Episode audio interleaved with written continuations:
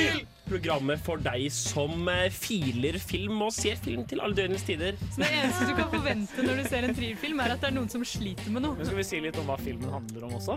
Vi kan gjøre det Før jeg er for sein. For jeg har jo et brennende hat mot La La Land. Jeg ser det selvfølgelig på japansk. Ja, da. så Men- klart du gjør det. Jeg tror Gary Oldman er litt som nissen. Jeg liker film. Du, du står fram som filmofil, rett og slett. Jeg gjør det. Du hører på Filmofil på Radio Revolt. Hasta la vista, Ja. baby. Ja, velkommen eh, til Filmofil. Nok en torsdag, nok en sending. Her eh, Nå hørtes jeg veldig lav ut. Vi eh, skal i kveld snakke om skuespilleren Ewan McGregor. For han er relevant denne uka med nye Christopher Robin-filmer, som du har sett, Henning. Mm, det har jeg. Så eh, det blir anmeldelse og greier. Stor stas, stor stas. Med meg i studio i dag så har jeg på teknikk, eh, nemlig Henning. eh, Vi har også med oss Guillermo del Toros største fanboy. Thomas. Og vår nyopptatte filmofile. Jenny. Og mitt navn er August. Jeg håper dere har lyst til å være med på denne litt for sene Filmofil-sendingen, også videre utover torsdagen. Nå tenker jeg vi kjører på med en låt. Jeg. Først er så godt i gang. La oss høre eh, Jon Olav med 'Hvite bygninger'. Så skal vi snakke litt om hva vi har sett i det siste etter det. Ja, hei og velkommen tilbake til Filmofil her på denne torsdagskvelden på Radio Revolt. Eh, Vi i Filmofil pleier jo som vanlig å åpne litt med å snakke om eh, hva vi har sett i det siste. Og jeg tenker vi kan begynne med deg, Henning. Jo. Har, du, har du sett noe kult denne uka? Jo, takk. Eh, Jeg har sett noe veldig kult, faktisk. Og det er sesongpremieren til eh, South Park. Sesong 22. 22. Jeg har gleda meg så Nei, jeg, jeg, jeg har ikke gleda meg i det hele tatt, egentlig. Det var en overdrivelse. Jeg har venta på den sesongen her, fordi de to forrige sesongene, 20 og 21, har vært helt, helt, helt på trynet. Jeg vet ikke hvorfor, men det, det er mye at de har eh, serialisert sesongene sine. Altså at uh, historia er sammenhengende. Den uh, normale, de 18 sesongene før det her, så har de pleid å uh, pleid å ta hver, eh, hver episode har ei historie ikke sant, som ikke påvirker den neste. The true form of South Park. Ja, ja, Yeah. ja. Nei, altså, det, det får gjenstå å se om de har en serialisert sesong. Det vil jeg tro de har, men i hvert fall episoden er veldig veldig, veldig artig. Synes jeg. Og det tar på ganske alvorlig tema. Men var det ikke sånn at den serialiseringen funket ganske bra i. sesong 19? Stemmer. Sesong 19, ja. Det gjør den. Da funka den veldig bra. Og det skal sies at sesong sånn 17-18 så hadde de en sånn delvis serialisering, men den var ikke helt sammenhengende, så det funka sånn middels, på en måte. Men 19 var også fullt. For jeg skal, jeg skal ærlig innrømme at jeg er en av de personene som bare faller innom South Park. Ja. Men jeg syns jo liksom de beste episodene er type disse Ringenes herre-spoofene, disse Game of Thrones-spoofene, de som er flere episoder. da. Episoder. ja, ja, De som er litt sånn der episodiske. Jeg vet ikke, Er det mer det de har satsa på? For jeg føler hele den der arken med Princess Butter og alt det der liksom, Det var flere episoder som ble ganske sånn ikoniske, og til slutt endte de opp å bli et spill, liksom. Ja, det var sesong 17-18-draget et sted. Det, de har det jo før òg. Det var en episode som het, eh, sånn episodeserie som het eh, Imagination. Og det det har de tenkt til å det det, bra. Ja. Det var egentlig planlagt å bli til en film. Faktisk. Mm. Når de la det fram ideen, og sånn Og så tenkte vi at nei, vi gjør det til tre episoder i stedet. Og så gjorde de det. Og folk digga det. Men jeg er i hvert fall veldig eh, optimistisk, og det hadde jeg ikke forventa av den, eh, den premieren. her Ja, ja. Thomas, da, har du sett noe kult denne uka? Jeg har brukt denne uka på å revisite shit jeg hater. Introdusere folk til det jeg elsker, og prøve noe nytt. Det er da eh, det jeg hater. Jeg har sett The Last Jedi igjen, og innser hvorfor jeg ikke liker den fortsatt. Eh, så introduserte jeg noen til Dirk Gently, som er en av mine favorittserier. Eh, og så har jeg prøvd den nye HBO-serien Discovery of Witches, som det bare har kommet to episoder av. Som var litt spennende å se hvor dette skal tas hen. Som legit virker som en bedre versjon av Twilight. Men er det Det er, ja, det er, det er eh, fiksjon. Det er ikke noe dokumentar. Uh, Discovery of Witches. Ja. Mm. Uh, det er en dokumentar, og det er vel Nei, ikke dokumentar, det er veldig sånn Det er fantasy. Det Ja. er, det er high fantasy i en moderne setning. For det, høres veldig, det hørtes ut som potensielt en sånn HBO-dokumentar som Ja. gikk liksom tilbake til da heksebrenning var en ting. Ja, Salem Witch Trials og greier. ja det, det, det hørtes bare litt sånn ut. Så jeg Ja. tenkte jeg skulle forsikre meg.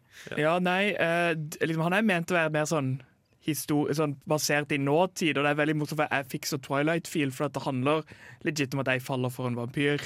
Men uh, it's a better love story than Twilight. Det, det du sa om eh, The Last Jedi, hvis du må gi The Last Jedi av ti Stjerne er null til liksom, hva vil du gjøre? For tingen er det at den siste tredjedelen av den filmen er fantastisk. OK. Problemet mitt er de to første halvdelene. Eller to første tredjedeler, er kanskje den matematisk riktige. Problemet mitt med denne filmen er de to første halvdelene. uh, så, Og de jeg to siste tror, òg, for så vidt. så jeg tror kanskje jeg hadde gitt han en firer. Okay. For det er ikke det at han er fullstendig crap, det var mer med det jeg syns de bommer på veldig mye. Mm. Uh, og jeg synes det er, det er en midt på tre-film, men det er, siden det er en såpass ikonisk serie, så, så burde ikke det være en lov, hvis du skjønner. Nei, jeg er helt enig. Den har veldig mange rare avgjørelser i seg. Sånn det kasinoet og mange sånne karakterer tror altså de kunne ha tatt i en veldig kul retning, men så lurer de deg. Sånn som den, den kollisjonen. Jeg skal ikke si noe mer enn det, for de som ikke har sett den, men Uh, håper du skjønner hva jeg refererte. Ja, Ja, og, det så er det bare den følelsen jeg får over at dette var en regissør som skulle på en måte marke sitt territory. Og det bare irriterte meg, for det er en klassisk serie. La han være seg selv. Ja, jeg er uenig med dere, men eh, det får, får nå være. Vi er nødt til å høre en låt. Vi, skal høre Satellite Stories med Sunglasses. Etter det skal vi snakke litt om hva jeg og Jenny har sett siden siste også. Ja, velkommen tilbake til Filmofil. Vi eh, snakker fortsatt om eh, hva vi har sett i det siste, eller mer spesifikt siste uken. Og, og Jenny, har du, noe, har du vært bortpå noe kult? Ja, I forhold til Thomas så har jeg jo ikke sett noen ting, føler jeg nå. For jeg har sett én film som ikke har vært Ewan McGregor-relatert. Og det har vært Olsenbanden junior går under vann. Oi! Den visste jeg ikke fantes. Jeg hørte Ikke? om Det de har vært fleste av litt de, sånn men eh, akkurat den, under, under og, overflaten. den har gått under radaren. min.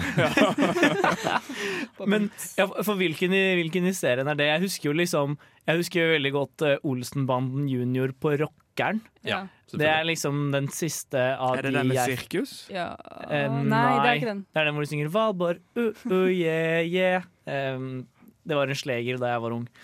Men eh, Jeg tror Under vann er den første, og så er Ok. rockeren den andre. Mm. Jeg trodde rockeren var den tredje. Jeg trodde du kom inn mellom der. Nei, for jeg. Nei, for jeg trodde den tredje er den med sirkus. Ja, sånn Olsenbanden går på sirkus, eller et, et eller annet sånn. Ja ja. Det ble lagd mange Olsenbanden junior-filmer, i hvert fall. det. Var det et positivt gjensyn? Det var det. Det, var veldig, det er kjempelenge siden jeg har sett den filmen, og jeg så den med to venninner. Og hun ene elsker Olsenmannen mer enn alt på denne jord. Så hun satt jo liksom siterte filmen nesten ved siden av meg, og jeg var sånn Å, jeg husker den scenen her så godt. Og så var, ja, det var veldig gøy. Ja. Vi hadde det veldig koselig. Men eh, Var det fordi filmen var bra, eller var det ren nostalgifaktor? Det var uh, mer nostalgi, for den uh, har jo sånn jeg tror jeg fant ut at den hadde 4,7 eller noe på IMDb. Så. Mm, ja, det er sjelden veldig lovende. Men for min ting er det at jeg syns ikke fire er en så dårlig rating, med tanke på at det går fra én til ti. Jeg syns fire er en helt OK film. Det er ikke en fantastisk film, men jeg føler ikke det er dritten av dritten. Ja, men men du må ta hensyn til hva som er IMDb-standard. Ja. Eh, For IMDb-standarden ligger på liksom Ok, gjennomsnittet er sju. Og alt som liksom er, alt som er over sju, det er, det er helt OK. Eh, mens alt som, eh, mens alt som er liksom mellom sju og seks, der kan det være ja, hva som helst. Men med en gang det er under seks, så er det etter all sannsynlighet dårlig. Ja, for Det er min rare ting. Når du har en skala som går fra én til ti, så er alt som er under syv, er shit, syns jeg er veldig It's bad math. Det er, det er, det er to, to, to halvdeler. Nei, jeg, tenker på det, Hvor ofte stemmer du lavere enn fire på, en måte, på en film? Hvor ofte gir du en stjerne to altså, En film med to stjerner? Det er skjer aldri. Ja, det, det handler mye om menneskelig psykologi. Vi er Ja. ikke så gode på å håndtere skalaer som er større enn sånn fem.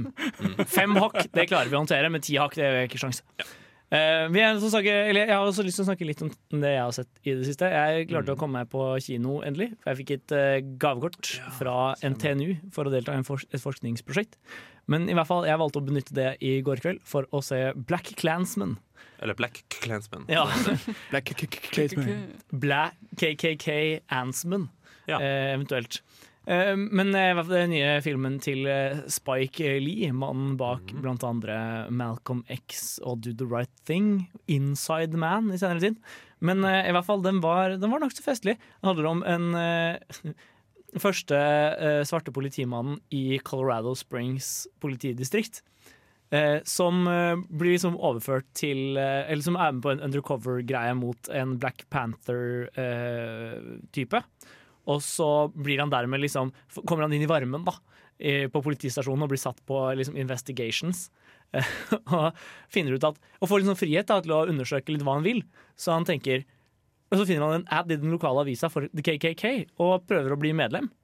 Så, og plutselig sitter han der da, nesten som eller gjennom liksom uh, å sende en, uh, sende en av kollegaene sine på møter og snakke med liksom David Duke på telefonen og alt mulig, så ender han nesten opp som leder for den lokale avdelingen av Ku Klux Klan. Yes. Det er jo litt, litt imot det de står for. Er det en comedy, en drama, a thriller, uh, whatever? Jeg vil si Den, den har helt klart komedieelementer. Den er, den er tidvis temmelig festlig. Eh, men altså, den, den prøver også veldig hardt, kanskje litt for hardt etter min smak, å være aktuell. Eh, for den er jo på en måte ment som en slags slags sånn Å ja, se på denne veldig rare tingen som hendte. For det skjedde faktisk, da. Det er basert på virkelige hendelser. Um, ja, men uh, men så ender de opp med å prøve å vinkle det mot liksom, uh, Charlottesville, der eh, en Mm, ja. demonstrant ble drept. Og, ja, det, det, var, det, var, det var liksom den, den prøvde å gjøre den hakket mer politisk enn den egentlig trengte å være, syns jeg. Men det var fortsatt en, en film som var verdt å se. Altså. La meg bare nevne at eh, Jeg kom til å tenke på at du sa Black Panther, og det er ikke snakk om filmen. Altså. Black Panther Nei. er en sånn derre- Ja, han er sånn underground og ta ned Black Panther. Nei, det, det, er liksom, Wakanda forever! det er liksom speilbildet av uh, Ku Klux Klan. Da. Det er sånn uh, svart, uh, svart er den beste rasen, sånn, sånn greie. Da. Ja, det, det er mm, det er eh, militante svarte eh, nasjonalister, Ja, rett og slett. stemmer. Men eh, ja, det, det er i hvert fall en nokså underholdende film om et Mm. veldig veldig rart eh, fenomen som, som faktisk skjedde på 70-tallet. Men eh, nå blir vi nødt til å høre en eh, låt før vi skal ta et, eh, prate litt om nyheter i filmnyheten. Vi skal høre The Shaladas med 'Summer Breeze'. Filmofil presenterer nyheter fra filmen og fjernsynets vidstrakte verden. Nå over til nyhetskorrespondent Henning Sjøli. Takk, Viktor. Oi, jeg var litt lav. Takk, Viktor, som leste inn eh, det lydklippet for oss. Jeg har eh, selvfølgelig samla inn litt nyheter for i dag. Og som August nevnte i starten av denne her, så har vi en uh, Guillermo del Toro-freak i rommet her, og det er Thomas Eller gel blant venner, da. Gear. Uh, han har i et intervju for ikke så lenge siden sagt at The Pale Man uh, jeg, jeg har ikke sett den filmen der, men i uh, filmen Pan's Labyrinth Eller de lever inn til fauna hvis du er virkelig fan. Ja, ikke sant uh, The Pale Man er han uh, fyren uten øya, men øya i hendene sine. Stemmer det? Ja, det, Ja. det har du rett i. Han er ganske pel. Ja. Tem tem temmelig bleik type, han ja. Ja, nettopp. The Pale Man er uh, et symbol Eller han representerer hvordan uh, Hvordan den katolske kirka eh, slapp inn fascisme i Spania under den spanske revolusjonen. Mm. Jaha. Bare gå gjennom scenen for det som skjer, at hun går inn i det mystiske rommet. Hun går opp til et bord der hun ser feer. Feer får henne til å spise, og da våkner The Evil Demon opp. Men er det ikke, jeg prøver ikke feene å nekte henne å spise, Jo. men så gjør hun det likevel Ja, fordi ja. hun er så sulten. Men de Eh, advarer henne også da mot det, Fordi hvis hun spiser, så kommer da han The Pale, Man, etter Mm. henne. hem. Men Jeg tror jeg, må, jeg tror jeg må tygge litt mer på den symbolikken enn men, eh, eh, jeg har tid til eh, her på eh, disse fire-fem minuttene vi har til. Hele denne filmen er jo en stor symbolikk, hvis man bare velger å tolke det sånn. Liksom. Så jeg kan, jeg kan skjønne hvor han kommer fra. Uh, så det er spennende å se hans sin versjon av det, eller, for det er jo han som har skapt det. Så det er gøy å høre hva han mente med det, og hva, og hva folk tenker ut av det, egentlig. da Vi har jo tydeligvis fasiten. Så ja. Ja, samtidig er jeg veldig imot den tankegangen. Jeg, Ja. jeg, jeg, er veldig, jeg, Han tar altså, feil. jeg syns, nei, nei det, det er ikke det at han tar feil, men mer at når du, når du leser en film, så er det så mye mer som går inn i det enn på en måte øh, verkets på en måte opphavsmann, da. Eh, Eller opphavskvinne, for den saks skyld. Mm. Eh, det, er, det er noe med at du totalt nekter Eller hvis du sier at det finnes en fasit til en filmanalyse, så nekter du på en måte tilskueren å bringe noe av seg selv inn i møte med filmen. Mm. Og det jeg kan i hvert fall si at jeg tar med meg ganske mye av meg selv når jeg møter en film. ja, nei, nei, det å bruke ordet fasit er feil, selvfølgelig, men uh, du har i hvert fall det som var tilegna, på en måte, mm. den karakteren. Der er jeg veldig annerledes, for jeg, jeg foretrekker at det finnes én versjon av det. For da jeg syns det er bedre å se de i Nei. syn. For jeg syns det er så tullete når folk skal lese så mye inn i ting, liksom. Det kan ha noe med at jeg elsker bare fantasy. Jeg sånn, Ringenes herre handler om liksom, Det er hobbiter, og det er ikke sånn Jeg, jeg skjønner at det er en algoritme for krig, og sånt, men jeg, jeg blir så irritert. Jeg sånn, Nei, det handler egentlig jeg blir bare, Det gjør vondt inni meg. Det har skjedd forrige sending, og du sa algoritme. Du mente allegori, Thomas. Nei, Jeg velger å beholde det ordet. Det er en avgjørelse jeg tar. OK, da. Okay. Det har bare blitt sånn nå. Ja. Og du kritiserer eller du, og Jeg trodde du var for å ha en fasit på ting. Jeg. Ikke Ja. på ordet. Men eh, la oss høre flere nyheter av Henning. Vi må rekke i hvert fall én til. Ops. Uh, ja, vi har ei lita kjapp nyhet. Det kommer en uh, Space Jam 2. det var min Why? reaksjon. Og den teiteste teaseren i verden. Det er sånn, eh, et bilde av et locker room hvor det henger klær ikke sant, i skapet, og så står det navnet over de skapene. Blant annet B. Bunny, Bugs Bunny, Point Guard. L. James, LeBron James, vil jeg tro. Han er small forward. Så er det T. Nance, director, og R. Coogler, produsent. Uh, mange vil jo anta at uh, Michael Jordan vil dukke opp i denne filmen, her, men han er ikke nevnt. Uh, men jeg vil tro det er derfor de kaller det en teaser. Mange sier at med en gang R. Coogler, uh, fornavnet hans Ryan Ryan Coogler, er med i en film, så blir Michael Jordan med. Så det er ikke til å, til å motse, vil jeg si. Min store ting nå er jo om dette kommer til å skape like mange furries som den første filmen gjorde. Gud. Ja, la oss håpe ikke det. Vi blir dessverre nødt til å hoppe rett på en låt når Vi skal høre Orions belte mellom meg etter en liten pause. Hei, mitt navn er Atle Antonsen. Du lytter til Filmofil på radio Revolt, og det gjør du helt til programmet er ferdig. Men her i Filmofil er vi ikke engang ferdig med nyhetene våre. For Henning, du har enda mer filmnytt til oss, har du ikke det? Det har jeg. Tommy Wiseau er i nyhetsbildet igjen, og han har tatt Skal være jokeren. Nei, det skal han ikke. Men, men han har kledd seg ut som Jokeren, faktisk. Til okay, halloween okay. eller et eller annet sånt. Det var et bilde på Twitter som gikk rundt. Han og Greg Sestero gikk i lag som Mm. The Joker og Bane, tror jeg. Tommy Wiseau var selvfølgelig Jokeren. Ja, øh, og for de som ikke vet det, er det regissøren bak øh, filmen The Room. Ja. Som er beryktet for å være veldig dårlig, men veldig morsom. ja. Og der har blitt en kultklassiker. Mm. Uh, det som har skjedd nytt nå, er at han har lasta opp filmen i sin helhet, altså The Room, på YouTube. Gratis for alle sammen. Og, ja, du, du kan jo se hele greia på YouTube hvis du har lyst. Hvis du har en tidsmaskin og kan, to, kan gå to dager tilbake i tid fordi den har blitt fjerna. og jeg skjønner ikke hvordan det går an din egen film kan bli fjerna fra YouTube. For det er, jo, det er jo helt tydelig han som er i filmen. Det vil jeg tro. Nei, det er ikke egentlig det. Han har gitt fra seg rettighetene til et distribusjonsselskap som skal få Ja, den opp på ja. kinoer i, i det landet det gjelder. Ja, selvfølgelig. Eh, så altså det, det er jo sykt kjipt hvis noen har kjøpt opp distribusjonsrettighetene til The Room i Norge, og så kommer han og bare Nei, jeg legger den ut på YouTube så alle kan se den.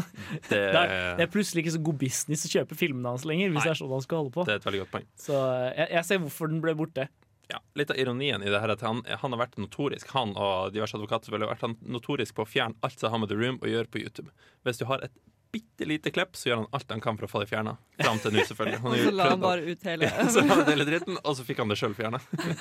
Jeg, jeg, jeg kan faktisk ikke sette det forbi han at han lassa det opp med en feil. Jeg, jeg kan se det for meg at det er noe han gjør. Jeg, jeg, jeg tror han er såpass uh, fjern av tanken. og jeg trodde at han lasta det opp på sånn lagringplass. Jeg tror han kunne ha gjort det, liksom. Han glemte å sette den som private. Eller Ja, ja. Og så bare tar han to dager før han innser det, liksom. Den var ute i tre dager. OK, unnskyld. Unnskyld tre ja, dager. hadde vært, ja, det hadde vært litt uh, typisk uh, Tommy Wiseau. Ja, jeg, jeg YouTube, skjønner, you're jeg skjønner tearing hvor me apart. Det er veldig mange som lager ordspill rundt det her. Ja. Etter han slapp det. Nei, uh, jeg kan skjønne hvor det kommer fra, men eh, han og Greg Sestero hadde det de kaller en AMA, altså Ask Me Anything, på Reddit. Eh, akkurat rundt den tida her. Så jeg tror nok det var et lite PR-stunt, vil jeg tro. Fordi han og Greg Sestero har laga en TV-serie eh, Er det en TV-serie? Hørte jeg usikker. Som heter Best Friends, men R-en er i parentes. Så det er Best Friends eller Best Fiends som er mannsk. Liksom. Eh, Tvetydelig tittel. jeg, jeg, jeg vet ikke om du kan kalle en tittel tvetydig hvis du har parentes i den. Kan du? Kan, nei. Whatever. Jævla Tommy Wiser. Jeg, Jeg føler, hater jeg og føler det er elsker moralen her. Jeg hater og elsker Tommy Wiseau. Mm. Jeg glemte av jeg hadde ennå ei Michael Jordan-nyhet. Han skal spille i uh, den nye, eller den, den kommende Tom Clancy-filmen. Del av Tom Clancy-serien som kommer. Tom Som Clancy, for ikke, de som ikke vet hva det er for noe, det var vel først og fremst bøker, vil jeg tro, som ble gjort om til spill av forfatter eh, Tom Clancy. Eh, De spillene har blitt veldig populære. Eh, Tom Clancy Siege, Division, Rainbow Siege and Rainbow, Ja, uh, Wildlands. Det har blitt sånn 40 spin-off-serier. Ja, ikke sant. Uh, og det her skal det altså bli en filmserie av. Og jeg skjønner ikke hvorfor de var Michael Jordan, tidligere basketballspiller Nei, unnskyld, nei, ikke basketballspilleren. Uh, du tenkte på feil. Du tenkte på han eh, Herregud. Hvem var Michael, Michael Jordan? B. Jordan. Michael B. Jordan, ja. Unnskyld. Ja. Jeg rota om navnet. Ja, altså, de heter jo Michael Jordan begge to, Ja, ja. så det, det, jeg, jeg skjønner jo forvirringen, da. Men, Ja. uh, men de er forskjellige personer. Ja, det er de absolutt. Jeg har, fakt jeg har gått i en felle her før, føler jeg. At jeg har lest om uh, Michael B. Jordan. Han spiller, jo, han spilte i Black Panther. Han spiller skurken Ja. der. Dette er en ganske god algoritme for Det var det. Nei, beklager det. Det var altså ikke en uh, Michael Jordan basketballspiller-nyhet. Men, Men eh, jeg vil ha denne filmen, nå som du har putta det i tankene mine. Jeg vil ha han basketballspilleren sånn tre meter høy ved siden av en cover, der halvparten stikker over. This. ser ut som en sånn bitte liten leke, liksom. Og når han kaster granater, så dribler han de først. Det hadde vært. Så- Michael B. Jordan og Michael Jordan. Ja. Eh, ja, mot hverandre i Tom Clancy-universet. Jeg tror det var det vi rakk av nyheter Ja, for i dag. Det men eh, Michael, B, eller Michael Jordan-nytt er alltid godt nytt. Eh, vi skal nå høre Faye Wildhagen med understrek, understrek awake her på Radio Revolt. Ja, det var altså Faye Wildhagen med awake. Eh, vi skal nå bevege oss over til eh, temadelen av denne sendingen. Eh, for vi har valgt et litt spenstig tema i dag, nemlig Ewan McGregor. En ganske fascinerende type. Og Henning, du har vært og sett hans nyeste film. Det har jeg. Jeg har sett Christopher Robin, som er altså historie om den voksne Christopher Robin. Altså den gutten som drømte opp de figurene Ole Brumm osv.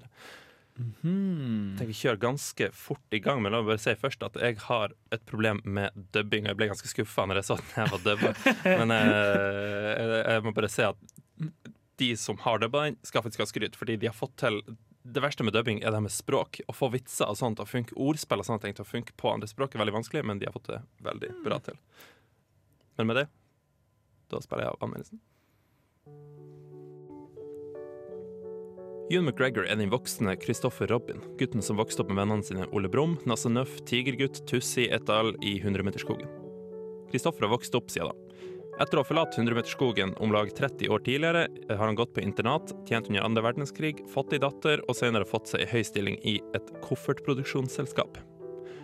Han har blitt en rimelig hard arbeidsnarkoman i denne jobben. Så mye at han ikke har tida til familien og moro, den rake motsetninga av gutten som forlot 100-meterskogen. Her oppstår altså konflikten i historien, og Ole Brumm er tilbake for å hjelpe sin gamle venn tilbake til sine røtter. What to do, what to do, what to do. What to do indeed. Who? Christopher Robin. No, no, no, no, no. You, you can't be here. Stress. It's not stress. It's Pooh. So exhausted. Filmen har en aldersgrense på seks år, og jeg følte den var retta mot et familiepublikum, men ikke helt uten skurr. Historien om valg mellom familie og arbeid er en historie som har tålt tidas tann, og som kan fungere helt fint i en familieretta film som denne. Men Christopher Robin faller litt imellom to stoler. Den er ikke helt tilpassa barn, men ikke helt tilpassa voksne heller. Historien om jobben til Christopher er ikke interessant nok for voksne. Den oppleves litt barnslig og forenkla. Samtidig er jeg redd for at den er litt for tidkrevende, teknisk og komplisert for barn. Hadde historien tatt litt mindre tid av filmen, kunne kanskje barna oversett denne litt tekniske delen. Men det virkelige problemet er at hovedpersonen er voksen med voksne problemer, noe barn ikke har lett for å identifisere seg med. Ole Brumm og gjengen har ingen problem de sjøl må overkomme, derfor er jeg redd at barn kanskje vil kjede seg litt med denne filmen. Ei bedre bihistorie hadde gjort at denne filmen var mer tilgjengelig for barn, men slik filmen står nå, tror jeg ikke historien appellerer nok til barn. Men til tross for dette er bamsene fantastisk. Jeg elsker hvordan de ser ut, jeg elsker stemmene deres, vitsene og kommentarene deres er veldig bra, og også interaksjonene deres er veldig artig. En ting jeg savna, var litt tvetydighet rundt dem. En interessant vinkling hadde vært om man gjennom filmen ikke var helt sikker på om de andre menneskene i London kunne se at bamsene var levende. I filmen er det helt tydelig at alle kan se at bamsene er levende. Dette er noe som eh, legger opp til en film som kanskje er artig for unger, men jeg tror det hadde vært noe eh, som hadde vært kult for de voksne i publikum å se. Bush, a man, dog. Who? What are you doing? Oh, I'm playing a game. It's called Say What You See. Well, could you say what you see a little more quietly? House, grass, trees. I don't know what that is. En scene som virkelig stikker seg ut i denne filmen, er i starten, hvor du får se at Kristoffer tjener i hæren under andre verdenskrig. Vi får se en kort scene fra et slag, som helt uten direkte vold, selvfølgelig, som fortsatt gjorde meg litt rådløs. I scenen ligger Kristoffer og flere andre soldater bak en haug, mens eh, et hus på andre sida eksploderer. Kristoffer og de andre soldatene ser fortvilt ut, mens Kristoffer roper inn i en radio 'Hvor blir det av forsterkningen?' Dette er en scene som helt fint kunne ha blitt gjort på en annen måte og fått fram samme budskap for barn i publikum, og unngått bilder som kan være skremmende. La meg minne på at den filmen har en aldersgrense på seks år. Men alt i alt likte filmen ganske godt. Den er veldig feelgood, selv om filmen ikke klimpra på hjertestrengene sånn som jeg kanskje hadde forventa den skulle. Historien om en far som jobba for mye, og en tur tilbake til barndommen, er historier som lett kan slå igjennom hos folk, men for meg traff den rett og slett ikke helt blinken. Til tross for dette er filmen i sin helhet veldig sjarmerende, selv om man kanskje ikke var veldig investert i konflikten i historien. Vitsene er veldig søte og artige, både for barn og voksne. Men med mindre du skal se den filmen her med nevøen din, vil jeg anbefale at du ser den med originalt språk, da vitsene kanskje fungerer litt bedre på engelsk enn på norsk. Dessuten er det ganske rart å se Ewan McGregor snakke norsk. ja, Jeg kan se for meg at det er um, mildt forvirrende å se Ewan McGregor med norsk stemme. Ja, absolutt. Mm. Det er det. Skal jeg innrømme at eh, jeg skjønner hva du mener, at han er litt sånn perpleks når det kommer til hvem han egentlig sikter seg på. Mm. Fordi at Hvis du tar for deg sånn familie, sånn farproblematikken, den pleier vanligvis å bli tatt fra ungene sitt synspunkt. Ja. Eh, men siden du uansett dubber han For ingen i vår aldersgruppe oppover ser spesielt mye dubba filmer. Mm. Uh, så jeg synes det, er- det er litt sånn rar blanding, for det virker som de har lagd en voksenfilm, og så har de pakka den inn som en barnefilm. Ja, ja nettopp det. Er, at, at de har dubba den, er et helt, helt tydelig tegn på at de vil at unger skal se den her. Og seks års aldersgrense og sånn. De vil at unger skal se det her. Eh, Jeg vil tro at de vil uh, at familier skal få se det her. Men jeg tror ikke den er særlig tilgjengelig for verken unger eller voksne. Og det er en veldig kjip plass å havne, på en måte, fordi hvem står igjen, liksom? Jeg begynner å lure litt på hvordan de egentlig fikk finansiert den. For den virker Ja. jo ikke som den har så veldig tydelig målgruppe, og det Nei. er jo ja, det, det, det må jo være litt sånn vanskelig å pitche for et filmstudio. Mm. Ja, og Og så bare sånn, Disney. Ja, eh, og så som en oppklarende, oppklarende informasjon her, så skal den også vises på original, i original tale på Ja. Trondheim kino. Ja. Så eh, det, det, er, det er håp for vår generasjon Ja også. For noen av de vitsene jeg hørte, og som du sa, virka faktisk veldig interessant. Og jeg, Ja, ja. føler, jeg føler nesten en film som er sikta mot vår generasjon. Som skal både dras tilbake til den der Ole Brumme-minnene, men allikevel sette mot en voksnere versjon. Men det er litt sånn som du sier, vi har, helt, vi har kanskje ikke nådd den der alderen der vi liksom arbeid og familie som er våre største prioriteringer. Og det er kanskje at han treffer litt feil der. Nei, det skal ses at altså, det ble jo skrevet på 20-tallet eller noe sånt. Så, Ja. Men, eh, men ja, altså vi i vår generasjon er i hvert fall vokst opp med det. Men jeg, jeg tror at unger på 80-tallet også til dels vokste opp med Ja. Ole Brumm. Jeg tipper egentlig markedsføringsstrategien her skal være at du på en måte Jeg tror den egentlig sikter seg inn mot familiepublikummene. Mm. Eh, eller familiepublikummet. Hvor de voksne skal se traileren på TV og tenke Oi, shit, den filmen har jeg egentlig litt lyst til å se selv fordi det er nostalgisk, og så, videre, og så tar de med seg familien på det, fordi barna kan også være med. Det er jo tross alt Ole Brumm. Ja. Og så må du Men så har den på en måte endt om å legge seg liksom veldig midt mellom de to, etter jeg, hvordan jeg forstår deg. Ja, Så ja, du har helt rett. Uh, altså, sånn, i krigsscene, liksom. Som igjen helt uten vold. Ikke sant? Men hvorfor? Jeg skjønner ikke hvorfor de ikke kunne hatt det annet. Altså, bare var på en leir og gjorde pushups. Liksom. Det hadde fått fram Ungene hadde skjønt det, liksom. De vet hva militæret er. på en måte Det er en, en ting jeg kom til å tenke på. Var han eh, Jeg vet ikke så mye om Ole Brumm historien, men når er det foregår? Er det andre verdenskrig eller første verdenskrig? Jeg antok andre verdenskrig, men det Eh, uten noen form for kunnskap, så vil jeg si første.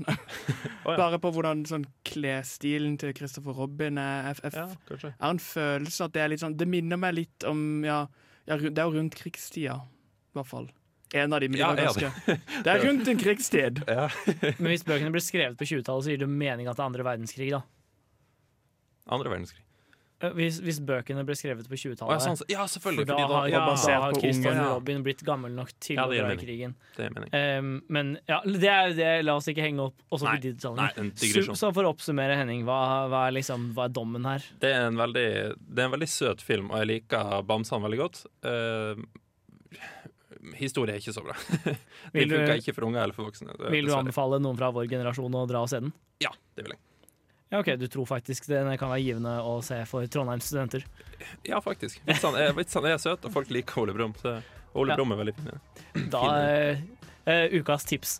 Nå skal vi høre låt. Vi skal høre Guerrilla Toss med 'Magic Is Easy'. Ja, nå skal vi for alvor begi oss ut på vår prat om godeste Ewan McGregor. For eh, jeg, vet, jeg vet ikke med dere, men han er jo på en måte en skuespiller som har vært veldig aktiv i store deler av vår oppvekst. Så hva, hva er liksom deres forhold til eh, fyren? Eh, mitt forhold er jo det faktum, og det er noe jeg ønsker vi skal gjøre hele sendingen da. Og det er å selvfølgelig gjøre alt på skotsk, siden han er en skotte. Don't have your best Scottish accent! Hele showet igjennom vil at vi skal gjøre det på, på skotsk. Thomas, vil du virkelig det? Jeg, jeg, vil høre det. Jeg, vil, jeg vil høre dette her. La oss gjøre det internasjonalt. Vil du ikke som en skotte bli fornærma av å høre oss? Jo, jo, jo, jo, jeg blir fornærma på dere, men det er en del av å være skotte å være irritert, så det gjør meg bare in a character. Mm, skjønner, skjønner. Naturligvis. Så liksom, mitt, jeg tenker på han liksom en skotte, men det er veldig morsomt, for det er jo ikke før liksom, i senere tid jeg så noen av hans sine faktiske skotske filmer og hører originaldialekten hans, eller hva det han hadde i begynnelsen. Ja, for, for, uh, jeg har også litt sånn Mitt første inntrykk av, eller hvert fall mitt første tydelige minne da, av Ewan McGregor er altså på mange måter litt relatert til det at han er skotsk. Min, eh, min mor hadde vært på utveksling i Edinburgh, i Edinburgh da hun var på, gikk på videregående. Um, og hadde sett Trainspotting da, da den kom på kino, og var kjempefan. Og så syntes hun det var så irriterende i alle filmer som kom i ettertid, hvor han ikke snakka skotsk. så Noen av mine første minner om Ewan McGregor er slett mamma som er irritert fordi han ikke, fordi han, fordi han ikke brukes riktig. Nei, Hva er det han, Hvilken dialekt er det han bruker da, i filmene sine? ofte? Er det britisk? Han, I senere tid så studerte han i London, så Mm. det er liksom, liksom britisk pent, fordi at veldig mange personer skjønner bare ikke skotsk. Nei. Han har jo mye amerikanske hvor han bare ikke snakker engelsk. Og det er der jeg har han fra, egentlig. Mm. Altså, han bare ikke snakker engelsk, snakker- ja, britisk, da. Eller Ja. skotsk, eller noe sånt. Ja. Hva er det han legger om til amerikansk engelsk? Ja. Han, jeg syns han er relativt flink på aksenter. Liksom. Jeg føler ikke han er en veldig tydelig én stemme, sånn som jeg føler mange skuespillere er. Og det er det alltid vært han litt for meg, for det er han kjente fyren som bare aldri ble massiv, hvis dere skjønner, liksom. Jeg, jeg føler ikke han er sånn. Jeg Jeg føler ikke han er sånn type Johnny Depp eller eh, Leonardo, men han er, liksom, han er stor når alle kjenner hvem han er. Hvem Ja. er. Hvem han, er, men ingen, han er liksom ikke den der, han blir ikke den massive personen, om dere skjønner. Nei. liksom Nei, helt enig. For meg så har han også alltid vært litt en sånn fyr som jeg ikke klarer å bestemme meg for om jeg synes er veldig kjekk eller temmelig skummel. Det, han, det, er et, eller- det er et eller annet litt sånn uncanny med smilet hans som, jeg bare, som, jeg, som bare setter meg litt off. Jeg, jeg vet ikke helt. Jeg, jeg, hver, gang, hver gang han smiler liksom ordentlig bredt, så føler jeg at her er, han, han her er ikke helt god. Jeg stemmer i hvert fall mot skummel. Det, det, var, det var helt feil spørsmål. du syns ikke han er kjekk? Du syns ikke Ian McGregor Jo, altså, jeg, kan godt, jeg kan godt kalle han kjekk, liksom, men han er langt ifra skummel. Ja. Det er han. Nei, jeg, jeg, jeg vet ikke. Det er bare, sikkert bare sånn personlig, personlig oppfatning. Ja. Nei, men jeg er enig med det du sa, Thomas. At jeg tror Ewan McGregor er en sånn person alle har hørt om, men hvis du ber folk flest om Ja, si tre filmer han har spilt i, sånn Som ikke er en uh, viss triologi. Nei, nei, nei det, det er ikke lov. Det skal ses. jeg tror faktisk ikke alle har fått med seg at det er han som spiller der heller. Ja, nei. Det er, det er i hvert fall veldig i kontrast til de første filmene han gjorde med sin skotske aksent. Ja. Eh, ja, det, er Absolutt. det, er et, det er et stykke fra heroinavhengig til Jedi. Nei, virkelig? Er det, er det egentlig det? Er det egentlig det? Ja, Nå spør vi de dype spørsmålene her. Hva, hva er egentlig forskjellen mellom en heroinavhengig og en Jedi? Eh, svaret på det får vi kanskje vite etter at vi har hørt First Aid Kit med All That We Get.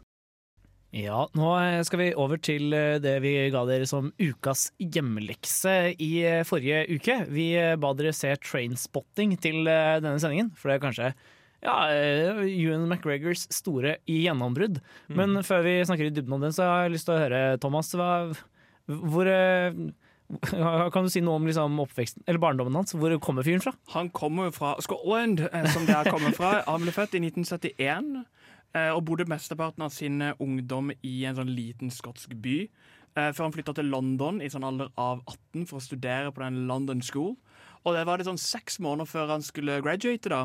Så møtte han jo på og begynte å jobbe med Danny Boyle, er det ikke det han heter? Eh, ja. Eh, Og gjorde Being Human, som er en film som er sånn halvveis godt mottatt. Eh, før han ble liksom casta i den filmen som han ble kjent for, og den store indie-filmen som han eh, skulle bare gjøre indie-filmer resten av livet sitt. Og det var jo da Trainspotting. Ja, for uh, hva, Vi kan jo si kjapt hva filmen handler om. Ja, handler om, eller Ewan McGregor spiller da hovedrollen som eh, Hva han heter Brampton, eller noe sånt. Det, Han er i hvert fall eh, i en eh, gjeng med gutter som driver med en god del spenstige stoffer, da særlig heroin.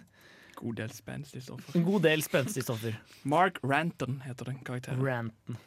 Men eh, i hvert fall, han, skal, han har liksom da bestemt seg i, ved starten av filmen for at nei, nå Eller han bestemmer seg for, på et tidspunkt for liksom, nei, nå skal jeg bli nå skal jeg bli rusavhengig.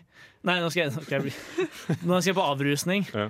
Uh, og ja, vi følger egentlig bare den gjengen mens de driver med forskjellig bøll.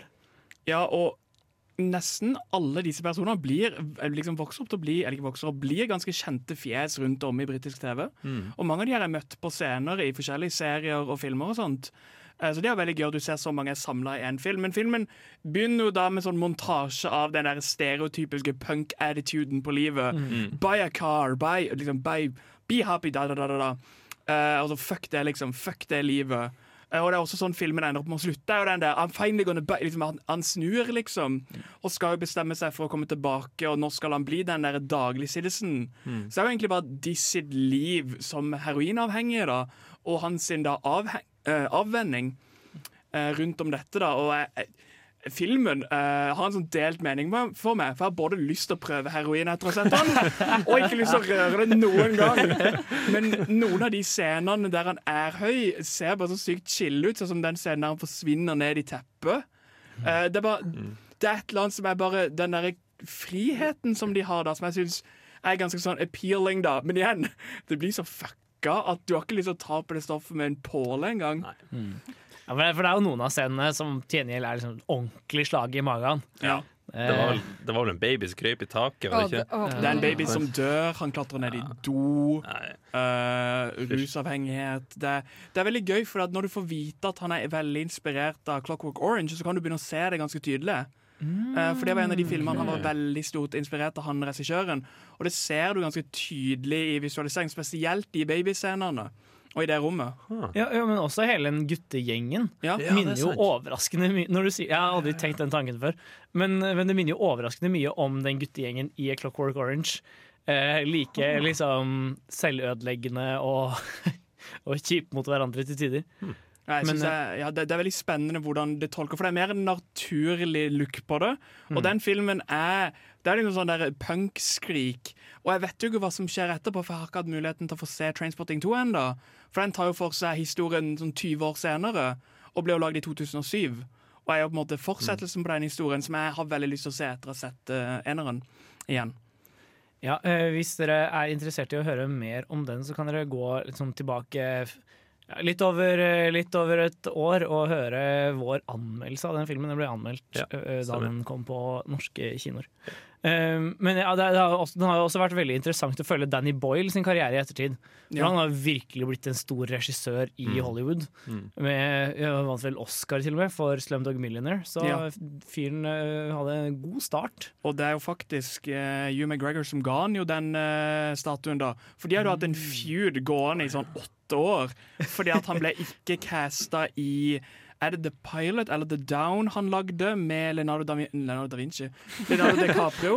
okay. Eh, og de hadde The sånn Beach, massiv? The Beach, ja. De hadde sånn massiv hat, fordi at han hadde liksom ikke støtta opp om sin venn. Det var sin første store film. Og de var sånn uvenner i flere år, liksom. Eh, og bare hata hverandre pga. det, liksom, for Ewan følte seg svikta.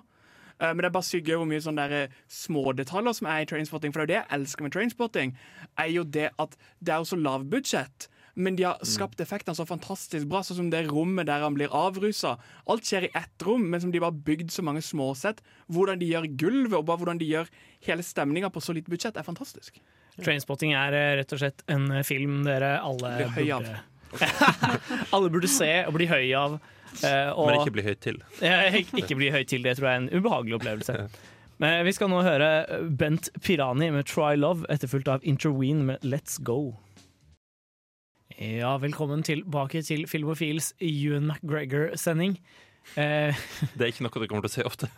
nei, eh, Ewan McGregor-sending er, eh, det, det, det er veldig spesifikt. Men Ja, eh, jeg det syns det, det. jeg syns det har vært god sending så langt.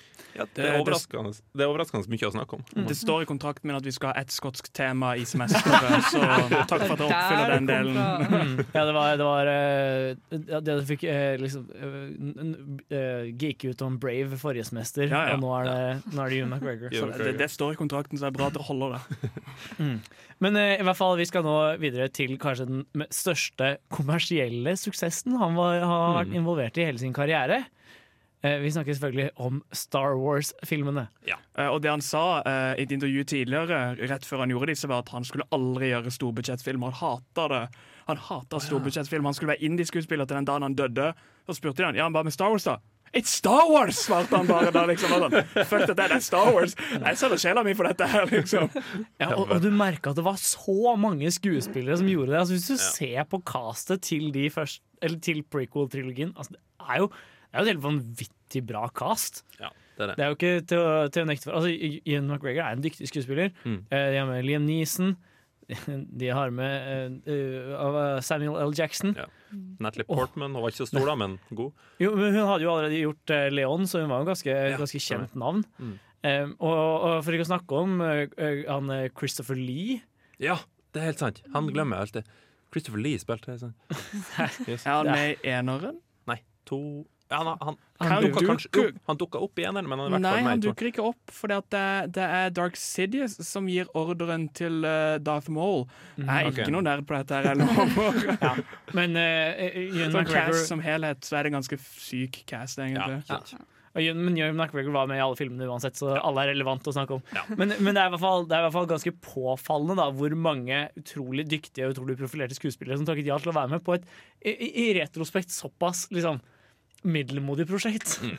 Han spilte, eh, for de som ikke vet det, Obi-Wan Kenobi Mm. i den serien her. uh, og jeg, jeg har hørt veldig mange som har sagt at men Hugh McGregor spilte jo faktisk veldig bra den, når de forsvarer den serien her. Jeg, jeg, jeg, faktisk han var ikke, ikke så aller verst. Uh, he was the only hope. Som er en uh, quote til uh, Obi-Wan, you're my last hope. Nei, han, han er jo kanskje det beste med prequelsene, fordi at du merker at han, at han er veldig fan av Star Wars. Han har jo sagt selv at han gikk jo inn og studerte hvordan eh, den tidligere skuespilleren Alec hva er det han heter, han som spilte Nei, Alec blir han fra nå. hvordan han spilte, hvordan han snakka, hvordan han hadde pauser, hvordan han liksom gjorde hele rollen. Så du merker at han putta veldig mye eh, karakter og følelse inn i det. Litt som en sånn ordentlig skuespiller skal for å få det, for den betalinga.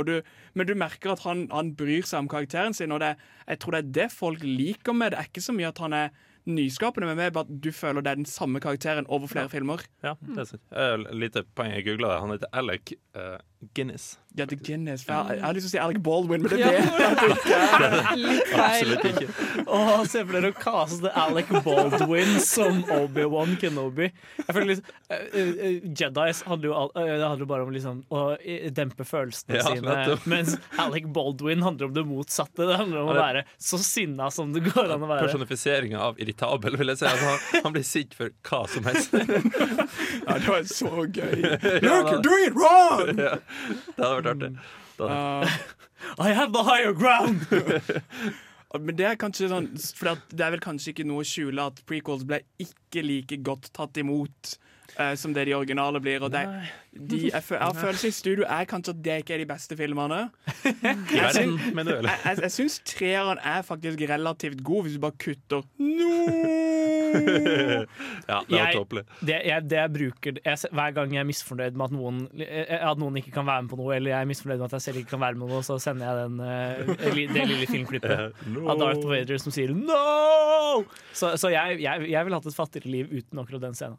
Det verste med det no-klippet er at den hadde tilbakevirkende kraft. Hvis du ser tilbake på episode Det blir da fire, fem Jeg må alltid telle. Episode seks, når uh, spoilers Darth Vader dreper uh, han derre Darth, Darth Sidious. Sidious ja. Or The Emperor. Kommer an på hva du vil kalle han. The Emperor, ja.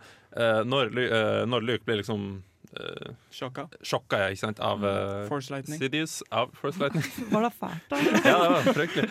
Jeg vet du er nerd, jeg vet sikkert. Skal jeg egentlig bare flytte en time tidlig og joine nerdeprat? Ja? Nei, men når, uh, når eh, Dark Sidious. Nei, hold kjeft. Herregud, Darth. Vader. Darth Vader. Når han står og vurderer liksom, Nei, er det her Grete sønnen min. Å nei, men jeg er slem. Jeg er snill. Nei, jeg er slem. Jeg er snill, ikke sant? Når han knekker og liksom skal være snill, så sier han no! Og så går han bort, plukker han opp og kaster han igjen.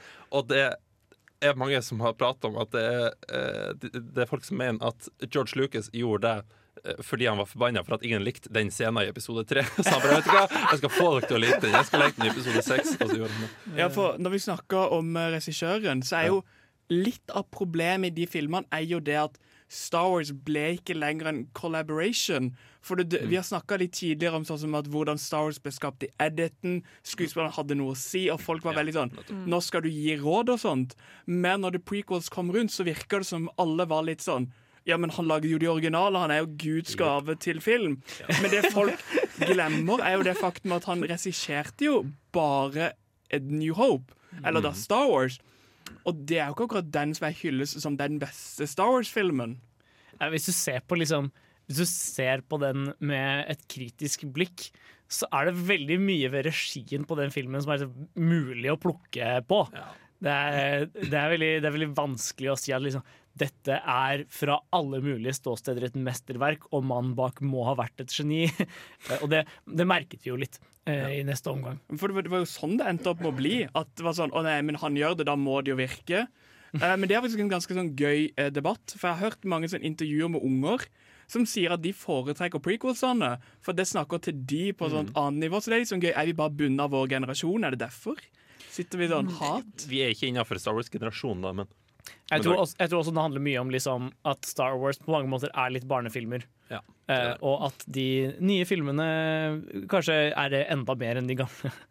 Men eh, nå blir vi nødt til å komme oss videre. Vi skal høre Chain Wallet med Ride, eh, etterfulgt av litt eh, Moulin Rouge-prat. Ja, der fikk dere altså Blytt med Closer. Eh, vi skal nå bevege oss videre til eh, ukas filmlåt. Og det ble veldig Det var overraskende lett å velge eh, velge filmen for ukas filmlåt denne uka, nemlig Moulin Rouge. Eh, og vi får høre Ewan McGregor synge sjøl. Men eh, eh, det var overraskende vanskelig å velge låt derfra, for det er en, eh, det er en film rik på musikk. Men eh, Jenny, kan ikke du bare begynne med å si litt hva filmen handler om? Jo, den tar da for seg eh, han godeste Ewan McGregor, som kommer til eh, Paris, er det vel? Eller i hvert fall Frankrike. Mm, det er Paris. Så, ja, det er Paris, ja. Er Frankrike noe annet enn Paris? Det var det. Eh, Rivieraen. Å ja, true, true, true, true. nice. Ja, uansett. Han kommer seg da dit, og han er da en skribent. Han velger å leve som en fattig skribent og ja, har det godt med det. Og så oppdager han da dette stedet som heter Moulin Rouge. Eh, Hvor det er litt sånn eh, type burlesk sted. Ja, og ja, det er litt merkelig, merkelig rart. Det er alle de eh, alle, Det er på, på en kunstnerbohemen i Paris holder til Ja. på den tida. Ja. Masse prostituerte og masse kunstnere på absint. Eh, god stemning, med andre ord. Ja, og så er det da Nicole Kidman som eh, også spiller en av hovedrollene. Hun er da på en måte stjernen da på, dette, på Moulin Rouge. Og eh, han godeste Ewan McGregor velger da Han vil på en måte skrive et stykke for Moulin Rouge, hvor da hun skal få hovedrollen. Og så kommer de da De møtes, og så er det litt sånn eh, Ten romantisk tension. ja, det blir fort det. Og eh, ja, så handler det da videre om eh, hvordan deres kjærlighet til hverandre, og hvordan det utspiller seg når det er en annen grådig mann med masse penger som har lyst på henne. Og en elefant. Er det en elefant i filmen? De, de Ja. synger til hverandre på en elefant. Det er veldig romantisk. Og veldig rart. En Ja. Det er ikke en elefant, det er bare en veldig kraftig bygd kvinne. It's not over til elefanten. Ja, for, for det, eh, det denne filmen gjør, er at den er en slags sånn blanding av, eh, av musikal Mm. eh, og tradisjonelt melodrama. Den er veldig sånn Den er veldig den er en skikkelig tragedie. men, eh, men også veldig liksom style over substance oppi alt det. da Så du har liksom kjempespektakulære musikalnumre med masse gull og glitter og stas. Uh, men også skal jeg på en måte være plutselig skikkelig langt nede i en dramatisk scene etterpå. Og for meg så ble det veldig sånn der Oi, dette var litt mye på en gang. Ja, eh, Og et av, mine, et av mine små problemer med denne filmen er at han har ødelagt to sanger jeg er relativt glad i. Og det er Police sin uh, Roseanne, eller Roxanne, Mm. og Toto Roseanne. Eh, for at jeg blander alltid med den der Roxanne fra den filmen. Jeg blander alltid de tre sangene sammen. Og jeg er usikker på hvilken sang. Okay. Ja, det, er, det er tre sanger som har relativt like navn, og det bare blir forvirra. For nei, den, nei, nei, jeg mener den, nei, denne. Mm. Gå gjennom alle tre for å finne den jeg har lyst til å høre på der og da. Ja, for jeg har nok et større innvending mot de popsangene den har brukt. Ja. Eh, som for eksempel at de plutselig spiller eh, en mashup av den Lady Marmalade og Smells Like Teen Spirit. Og så blander du jo stemmer. inn noe Like a Virgin også. Det er veldig Ja, det, under det, Veldig mye som er på gang på en gang her. under det dansenummeret så måtte de faktisk dekke scenen med cola, sånn at ikke folk skulle skli. Så er det, sånn, det er klissete sånn cool, cool, er av cola. Så er det sånn, når du går, så hører du Liksom det, det var sånn coladekka gulv. gulv. Men Nicole Åh. Kidman brakk noen ribbein og noen bein. Og liksom, oi, ble, de ble hardt skada på den filmen. Vi skal i hvert fall nå høre en av eh, sangnumrene hvor June McGregor er ganske tydelig til stede. Vi skal nemlig høre Your Song. For et program i burra med både klasse og stil. Du hører på Filmofil.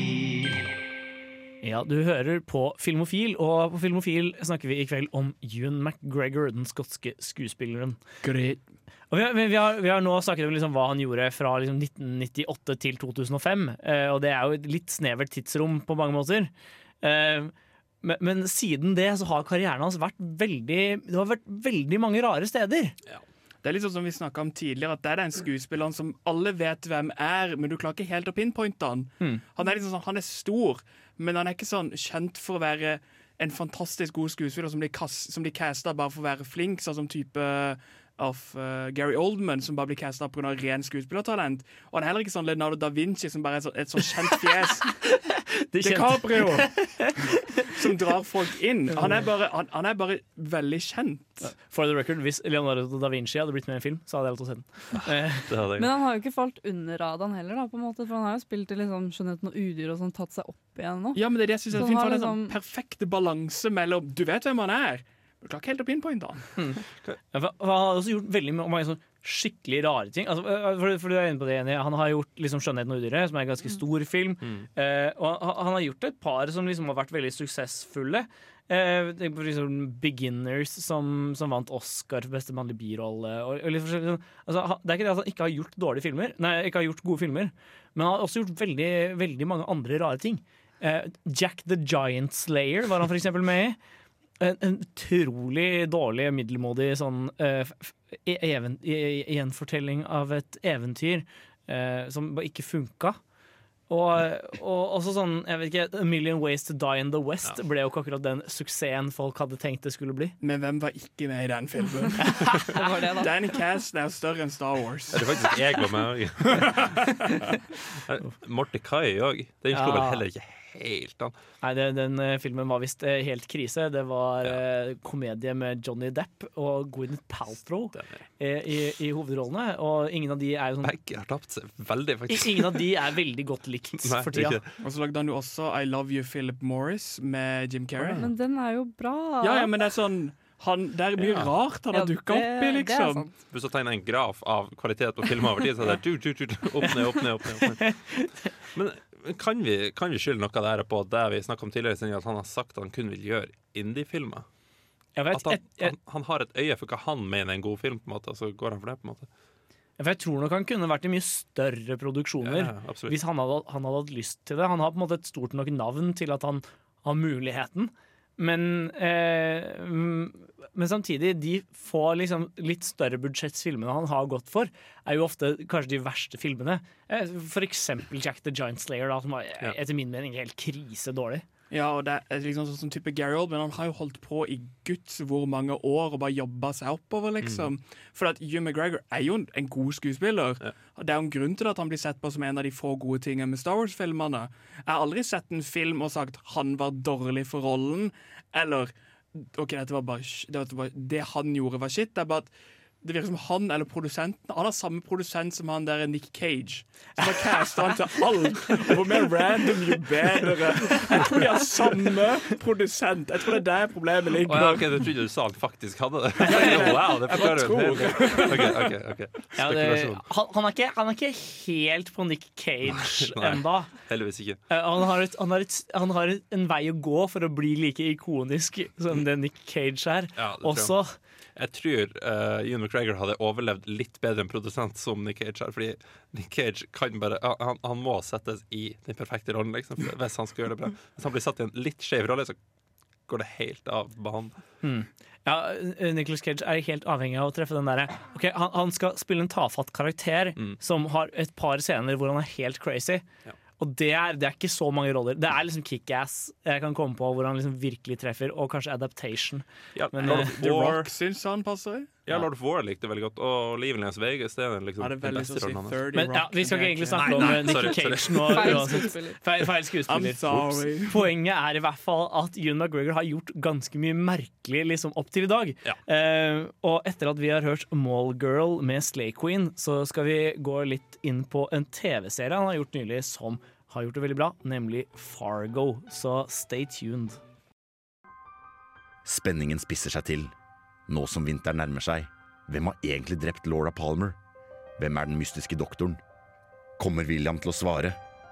Hva vil skje? Ukas TV-serie. Ja, og ukas TV-serie denne uka er som sagt Fargo, for der dukker også plutselig Ewan McGregor opp. Ja. Ikke bare én gang, men to ganger. Wow. Kanskje en av de litt bedre valgene hans sine i nyere tid. ja, absolutt. Ja, altså det virker jo som han har fått seg dame der og alt mulig, så ja.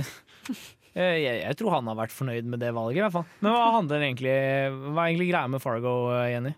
Um, greia med Fargo som uh, serie, da, kan jeg først nevne at fordi det er jo sesong én, sesong to og sesong tre, de henger ikke sammen i det hele tatt. Det er, de Ah, har um, okay. Sesong én tar for seg eh, Den er basert på filmen, den eh, fra 1990 et eller annet. Eh, og så sesong to har jeg ikke sett, men den handler om noe annet igjen. Men alle er på en måte i samme univers, da. Så alle, alle sesongene tar for seg hendelser i Minnesota, eh, hvor det da også involverer mye mord. Og i sesong tre, da, hvor eh, han godeste Ewan McGregor spiller, så er det da hovedsakelig eh, fiendtligheter eh, mellom to brødre. Og de to brødrene er da begge spilt av Ewan McGregor. Så det er liksom der det skjer, da. Og så er det drap involvert i alt dette her, og så ja, masse rare greier. Ja, stilig. Så, klarer, han, klarer han det, da? Å spille to uh, brødre mot hverandre? Eller mot, mot uh, spille, Mot seg selv- mot seg selv. spille mot seg selv? Ja. Hver, hver sin bror. Overgår han uh, Lindsay Lohan i uh, Parent Parent Trap? Eller Tom Hardy i hva enn den filmen heter. uh, ja, hva het den filmen? Eller han duden i Clone Wars. Mm. Han spiller jo alle clonesene, så han har Det mye er faktisk helt arbeid. sant. Nok en digresjon. Men ja, gjør han, gjør han det bra? Uansett, ja. Okay. Uh, han Jo, fordi han spiller De to brødrene er jo veldig, veldig forskjellige. Så det er veldig greit, på en måte, for det er en som er litt sånn uh, Han er han, en rik og en fattig, da, kan man si. Hvor Mm. han rike er litt mer sånn forsiktig av seg og litt mer sånn 'ja, dette går fint', og 'ja, alt sammen er bra'. Mens han fattige er litt mer sånn «Ah, ah, litt lei av livet. Og, så han spiller jo veldig bra, men uh, som scener hvor for eksempel han uh, ene, eh, han fattige, da, skal late som han er han rike, så han kler seg liksom ut og sånn, så er det ikke så veldig mye jeg forventet med å se at han klarte da å Hvordan skal jeg si det? På en måte at han klarte å spille den andre karakteren mens han så ut som broren.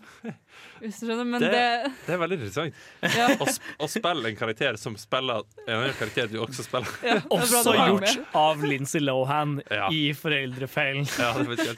Ja, det er, det er en digresjon, men sånn som han eh, voice-actoren bak The Muppets Mm. har jo veldig ikoniske skits der han er andre Muppets som prøver å kopiere Muppets. som er veldig gøy å høre på. Det er liksom Hermit the Frog prøver å være Petty Pig, eller hva hun heter. okay. Og du hører veldig tydelig at det er han. For det er sånn tegn på veldig høy skuespillerkvalitet, der du klarer Ja, ja. å spille at du spiller at du spiller noen. Ja. Det er liksom det, det er, det er som Inception-type shit right Ja. there. Actor in an actor in an actor. Ja, eh, Som en russisk dukke. June McGregor er litt som Inception. Kanskje Ja. det er ukas sendingstittel. Ja, men poenget var i hvert fall han, han klarer det veldig bra, men det var akkurat i de scenene synes jeg savnet det bitte lite grann. Men eh, det er jo vanskelig òg, da, så det kan jo forstås. Men ja. Det er begrensa hvor mye du skal klandre ham for det. Ja. Men serien som helhet, da? Er det, er det, er det good shit? Jeg liker Fargo veldig godt. Var, jeg så, sesong én er jeg veldig veldig stor fan av. Og jeg syns sesong tre også. Den var, den var ganske bra. Ja, for det er sånn, Kan man dømme Fargo som en helhet, eller må man dømme det som individuelt? Ja, det var det. Kan man liksom si er Fargo bra? For det, er har mye sånn som I True Detective så er det veldig snakk om at den ene sesongen er bra, og den andre sesongen er Det er i hvert fall sant for True Detective. Ja. Jo, men siden alle, alle sesongene finner jo sted på en måte i samme univers, da. Så man kan si at serien i en, i, som en helhet er bra. Fordi jeg syns i hvert fall det. Fordi jeg synes Da jeg så sesong tre nå, så er det liksom Det starter med typ de samme tingene, og så fikk jeg litt sånn Ja, dette er, dette er sånn sesong én. Og jeg liker veldig godt det handlings... Eh, hvordan det tar for seg da i sesong én, og det gjør veldig mye av det samme Mm. i sesong tre. Jeg, jeg, jeg, har sett, jeg har kanskje sett halvparten av sesong én. Det var mange år siden det var når det kom ut. Og Mm. Bill Bob Thornton i den serien der er helt, helt helt fantastisk. Det var da jeg ble overbevist om han. Og så så jeg mer film av han, og da skjønte jeg at wow, han er faktisk jævlig god. jeg digger han. Eh, Ikke en, ikke en dårlig skuespiller, den Nei, fyren. på ingen måte. Men eh, ja, eh, Så Fargo er en anbefaling, eh, selv om kanskje ikke Ewan McGregor gjør sin sterkeste rolle i den filmen. Nei, i den serien. Summa summarum. Han, er- han ikke med i filmen. Eh, Der gjør han i hvert fall ikke en sterk rolle. Men vi, nå begynner vi å nærme oss slutten, men før, vi, før vi snakker litt om våre favoritt-Ewan McGregor-filmer, skal vi høre 'Mirrored' med Dilaudid. Ja, nå begynner vi å nærme oss veis ende for alvor her i denne Ewan McGregor-sendingen eh, til Filmofil. Men eh, før, vi, før vi tar farvel, så tenkte vi kunne ta litt om våre favorittfilmer av Ewan McGregor. Et par anbefalinger som vi ikke har fått gått så i dybden på til nå. Og eh, Henning, har du noen, eh, har du noen forslag til ja. Ewan McGregor-filmer folk eh, der hjemme burde se? Absolutt. Eh, Det er en film vi ikke har snakka om i det hele tatt. Igjen, den her, faktisk. Det er Black Hawk Down. Mm. Den eh, går ut på eh, det oppdraget som ble utført av blant amerikanske styrker i eh, Somalia. Jeg husker ikke helt når det var, men det var vel 90-tallet en gang. Noe av det, i hvert fall, men det var det, det, det er ganske kjent eh, slag, hvis vi kan kalle det. Veldig, veldig morbid og voldelig. Da. De slåss mot, eh, mot somalere ganske uten våpen og sånn. Det ble eh, ganske mange tap, på den somalske sida. Men også eh, Ja, Det er vel også kjent som en veldig mislykket militæroperasjon. Absolutt. Eh, som Det det. ikke egentlig gikk noen steder. Nei, Og- Nei det surner egentlig bare forholdene i, i den konflikten. Eh, konflikt, Mm. konflikt, mm. ikke, men, men ja. Og det gjorde ikke akkurat forholdene i, i Somalia noe bedre, Nei. som du sier. Nei, på ingen måte. Den gjorde det veldig bra, de, fikk, eh, de vant to Oscarer for den. For Beste Mm. edit og beste sound. Ikke at det er de største. Det beste klippet er ganske decent, da. Ja. Men eh, Hvis du ser på Star Wars, ja. så er det veldig viktig. Neida. Nei, uh, Ridley Scott ble også nominert for den. Ja. Som jeg, eh, jeg har også en, eh, jeg har en eh, sånn skikkelig liten film jeg har lyst til å trekke fram. Mm. Steven Soderberg, eh, mannen bak Oceans 11, eh, 12, 12 og 13, Mm. lagde en sånn martial arts-greie som het Haywire for en del år tilbake. Ja. Som er skikkelig oversett. Det er egentlig ingen som brydde seg om den filmen etter at den kom ut. Men jeg så den for et par år tilbake, og det er en ordentlig, ordentlig kul film. Eh, Gina Carano, hun er eh, eh, MMA eh, Eller hun, var liksom i, i verdenstoppen i MMA, da. Mm. Og så fant han ut at ja, men henne kan vi bruke som skuespiller. Så hun spiller, eh, spiller mot uh, Ewan McGregor, da. Og, altså, det, er, det er faktisk en veldig, veldig kul film som eh, folk burde sjekke ut hvis de får muligheten. Koreograf er, er koreografien bra? Eh, jeg vil si det. Ja. Jeg, jeg satte pris på den. Og det, det blir jo veldig mye morsommere med en gang du ser at folk kan gjøre sine egne stunts. Ja. Så, um, men det, er- ja, det, det er i hvert fall veldig verdt å sjekke ut. Ja. Jenny, da? Jeg eh, Den eh, vi har snakket om, vi var så vidt inne på den tidligere sendingen. Den heter I Love You, Philip Morris. Ja. Og hovedgrunnen til at eh, jeg vil anbefale den, er pga. Jim Carrey, egentlig. Det var derfor jeg så den også, fordi jeg er veldig glad i han. Men Ewan McGregor spiller jo veldig bra i den, da. Og det er en veldig, ja, det er en veldig sær film, men den er veldig morsom. Eh, hvor da, ja, det handler om Jim Carrey som er homofil i fengsel, sammen med da Ewan McGregor. Det er en veldig interessant, Ja. interessant film. Hvordan endte Ewan McGregor opp i dette fengselet? Nei, det husker jeg faktisk ikke. Ja, han er der i hvert fall. Og så, møtes de. Og så, ja. Mm. Du, du, du sa at Jim Carrey var homofil. Er, er Ewan McGregor også homofil, eller? Ja. OK. okay nei. Og så skjer det noe der. Å, ja, ok, nei, men det kobler jeg. Ja, jeg ser det forholdet i det virkelige liv. Det hadde vært interessant. ja, det hadde vært. Men Thomas, da? Har du en, eh, har du en favoritt? Det må nok eh, være uh, Trainspotting. Ja. Det er en av de første store han gjorde, eller den første som gjorde han kjent. Men jeg bare liker veldig godt, og du ser veldig at dette er det han har lyst til å drive med. Sånn indie-filmer som plutselig bare slår han, at han er veldig dypt inn i kar karakteren sin. Og han gjorde jo sykt mye for å gjøre den karakteren, og han eier jo, han eier jo den filmen. Han Mm. selger jo den fantastisk. Det er så mye energi der. Du merker at alle, alle involverte hadde skikkelig skaperglede når de gikk inn i det prosjektet. Det er liksom Det er ordentlig liksom, god, god intensitet på filmen gjennom, gjennom hele veien. Jeg vet ikke helt, jeg. Det Du ser at de elsker source material veldig mye. Ja. Øh, og de, de, de klarer, han klarer jo også å overbevise veldig som, eh, som heroinavhengig. Han mista sånn 20 kilo for den rollen. Det er sykt. Det? Det er ikke sunt, har jeg hørt. Nei, Det begynner å nærme deg, det å nærme deg sånn Christian Bale-tilstander. Det er ikke, eh, ikke bra for helsa, har jeg hørt. Men eh, ja eh, Det var dessverre det siste vi rakk å si om Ewan McGregor. Vi skal eh, nå høre Nampa med 'Baby Mood'. Det var dessverre alt vi hadde i Filmofil for denne gang. Vi har snakket om Ewan McGregor, den skotske skuespilleren, i denne torsdagskvelden. Så hvis du får lyst til å høre hele sendingen på nytt, så kan du finne den både på radiorevolt.no eller som podkast på Spotify eller iTunes eller din favorittpodkast-app. Eh, neste uke skal vi eh, snakke om et tema som er relatert til ting vi har snakket om tidligere. Vi har snakket om superhelter, vi har snakket om superskurker, men vi har ikke snakket om antihelter enda. Så neste uke antiheltsending. Og i denne anledning så blir ukas hjemmelekse Nightcrawler. Med Hennings store favoritt Jake Gyllenhaal. Så det blir stas. Med meg i studio i kveld så har jeg hatt på teknikk. Henning. Eh, Vi har hatt Guillermos eh, fanboy nummer én. Thomas. Og vi har også hatt med oss eh, vår nye Jenny. Og mitt navn er August. Vi skal nå høre Charlie Bliss med 'Heaven' på vei ut. Takk for i kveld.